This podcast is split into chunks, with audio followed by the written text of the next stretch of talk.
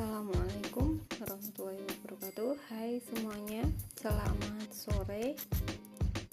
Menunggu azan maghrib ya 45 eh, menit lagi. Saya masih Insya Allah akan memberikan uh, Materi tentang prinsip Principles of money. Jadi prinsip uh, Satu dari The Fall of Rezeki. Ini di buku TSOW ya uh, The Science of Wealth jadi ini bukunya Ki Jenderal Nasution. Karena kemakmuran bukan kebetulan. Prinsip pertama dari uh, principle of money adalah unpredictable. Jadi rezeki itu unpredictable, tidak bisa diprediksi sehingga ia berpotensi menjadi unlimited, tidak terbatas.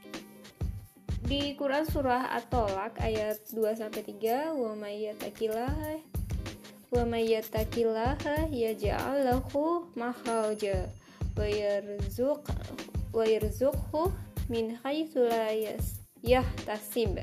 Wa may yatawakkal 'ala Allahi fa huwa hasbuh. Innallaha balighu amri Qad ja'alallahu likulli syai'in qadir.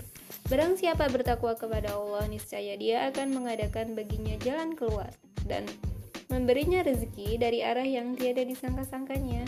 Dan barang siapa yang bertawakal kepada Allah niscaya Allah akan mencukupkan keperluannya. Sungguhnya Allah melaksanakan urusan yang uh, dikehendakinya. Sesungguhnya Allah telah mengadakan keuntungan bagi tiap-tiap sesuatu. Quran surah At-Tolak ayat 2 sampai 3. Uh, di sini uh, kita berpikir ya, uh, saya berpikir rezeki itu pasti punya default. Default itu kalau diterjemahkan ke dalam bahasa kita adalah uh, apa ya? settingan gitu ya. Settingan udah disetting dari sananya gitu.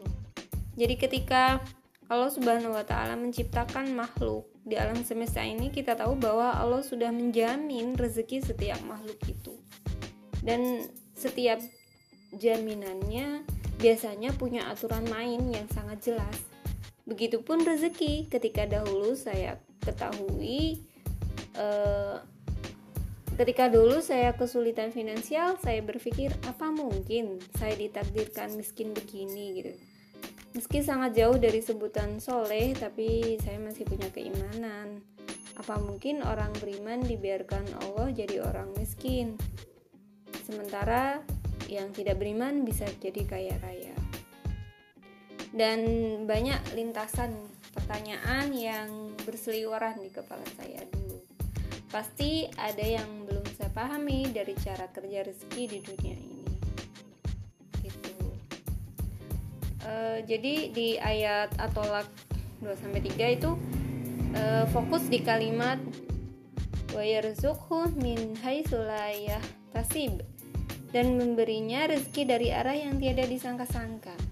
Semoga uh, pemahaman saya tentang ayat ini tidak melenceng karena yang saya pahami dari ayat ini adalah memberikan rezeki dari arah yang tak disangka itu berarti ada banyak sumber yang berpotensi menghasilkan Nah, karena ada banyak sumber itu, maka logikanya kita nggak pernah bisa memprediksi dengan persis dari mana arah kehadirannya.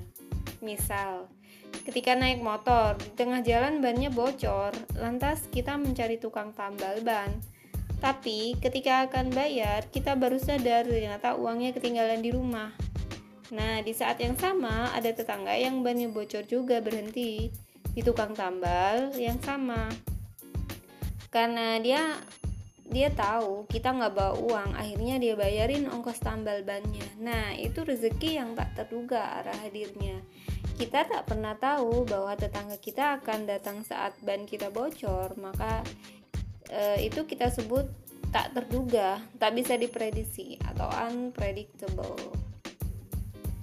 Nah e, jadi di sini uh, pertanyaannya ada berapa banyak sumbernya gitu sumber rezeki itu tentu tak ada yang bisa menjawab karena sama sekali tidak bisa dihitung lalu Berapa banyak rezeki yang berpeluang hadir? Tentu juga nggak mungkin ada yang bisa menebaknya, karena sumbernya nggak bisa dihitung. Maka peluang rezeki yang hadir pasti juga nggak bisa dihitung dan te, apa tak terbatas atau unlimited.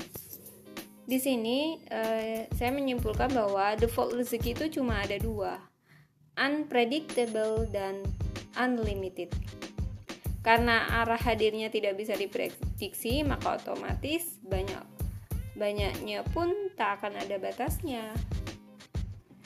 Kalau kita kerucutkan mana rezeki itu dalam konteks uang adalah eh, apa namanya atau penghasilan Nampaknya sama aturan mainnya. Seharusnya arah datang uang tak terduga mesti arah hadirnya penghasilan itu tak bisa diprediksi.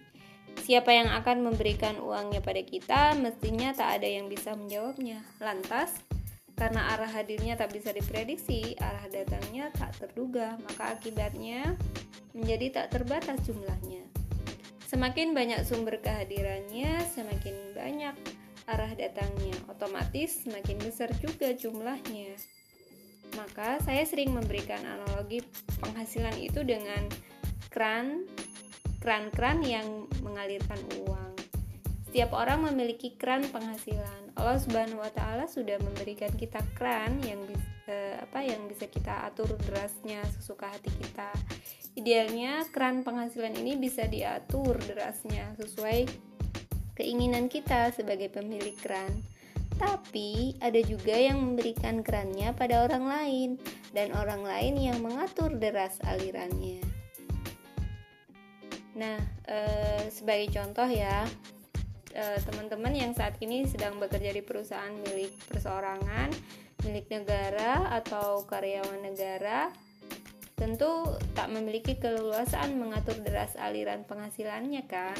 Karena teman-teman yang bekerja di perusahaan atau lembaga tertentu tak bisa mengatur atasannya dengan mengatakan, "Bulan depan gaji saya harus naik jadi sekian ya, Pak." Apakah salah? Tentu tidak. Sama sekali tidak ada yang salah dari menjadi karyawan. Setiap orang punya pilihan hidup dan menjadi karyawan adalah pilihan yang diambil. Silakan saja. Meski kerannya diserahkan ke orang lain, tapi kalau alirannya sangat deras dan sangat mencukupi kebutuhan hidup, bahkan cukup untuk berbagi pada orang lain, tentu saja tak masalah sama sekali. Katakan saja eh, kawan-kawan yang bekerja di luar negeri dengan penghasilan ribuan dolar sebulan tentu saja lebih dari cukup. Walaupun nanti kita akan bicara tentang aspek-aspek yang ada dalam hidup kita.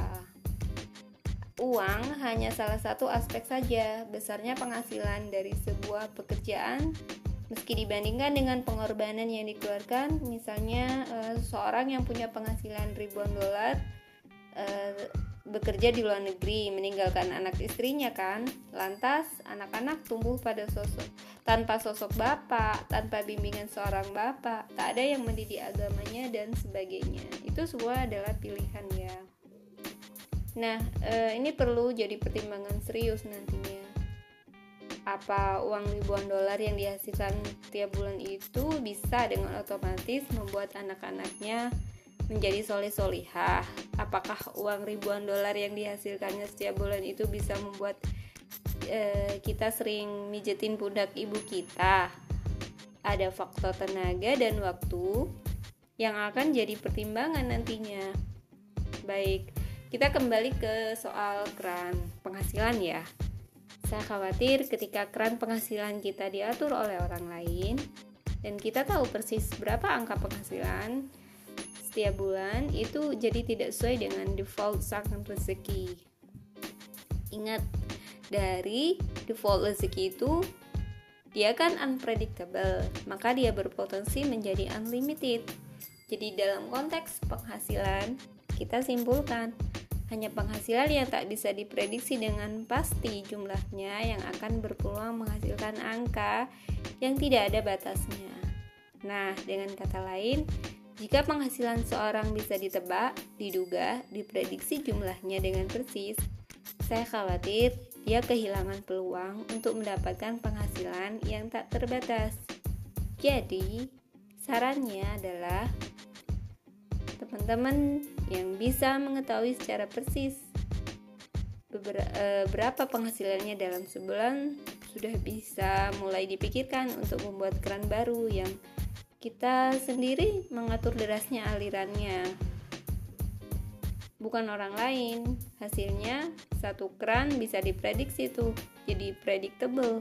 Dan satu keran lainnya tak bisa diprediksi unpredictable.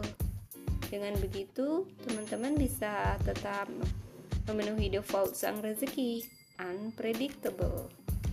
Kalau sudah unpredictable sumber dan angka penghasilannya, maka insya Allah ter, e, terbuka peluang untuk jadi unlimited angka penghasilannya. Maka saya sering nyeletuk menantu keren itu yang nggak jelas penghasilannya.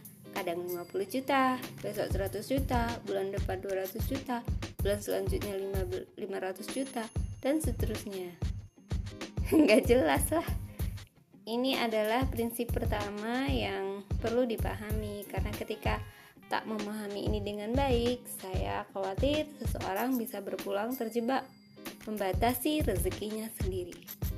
Sudah banyak kan korbannya? Jangan sampai kita jadi salah satunya. Itu prinsip pertama ya. Nanti uh, akan ada kisahnya Abdurrahman bin Auf.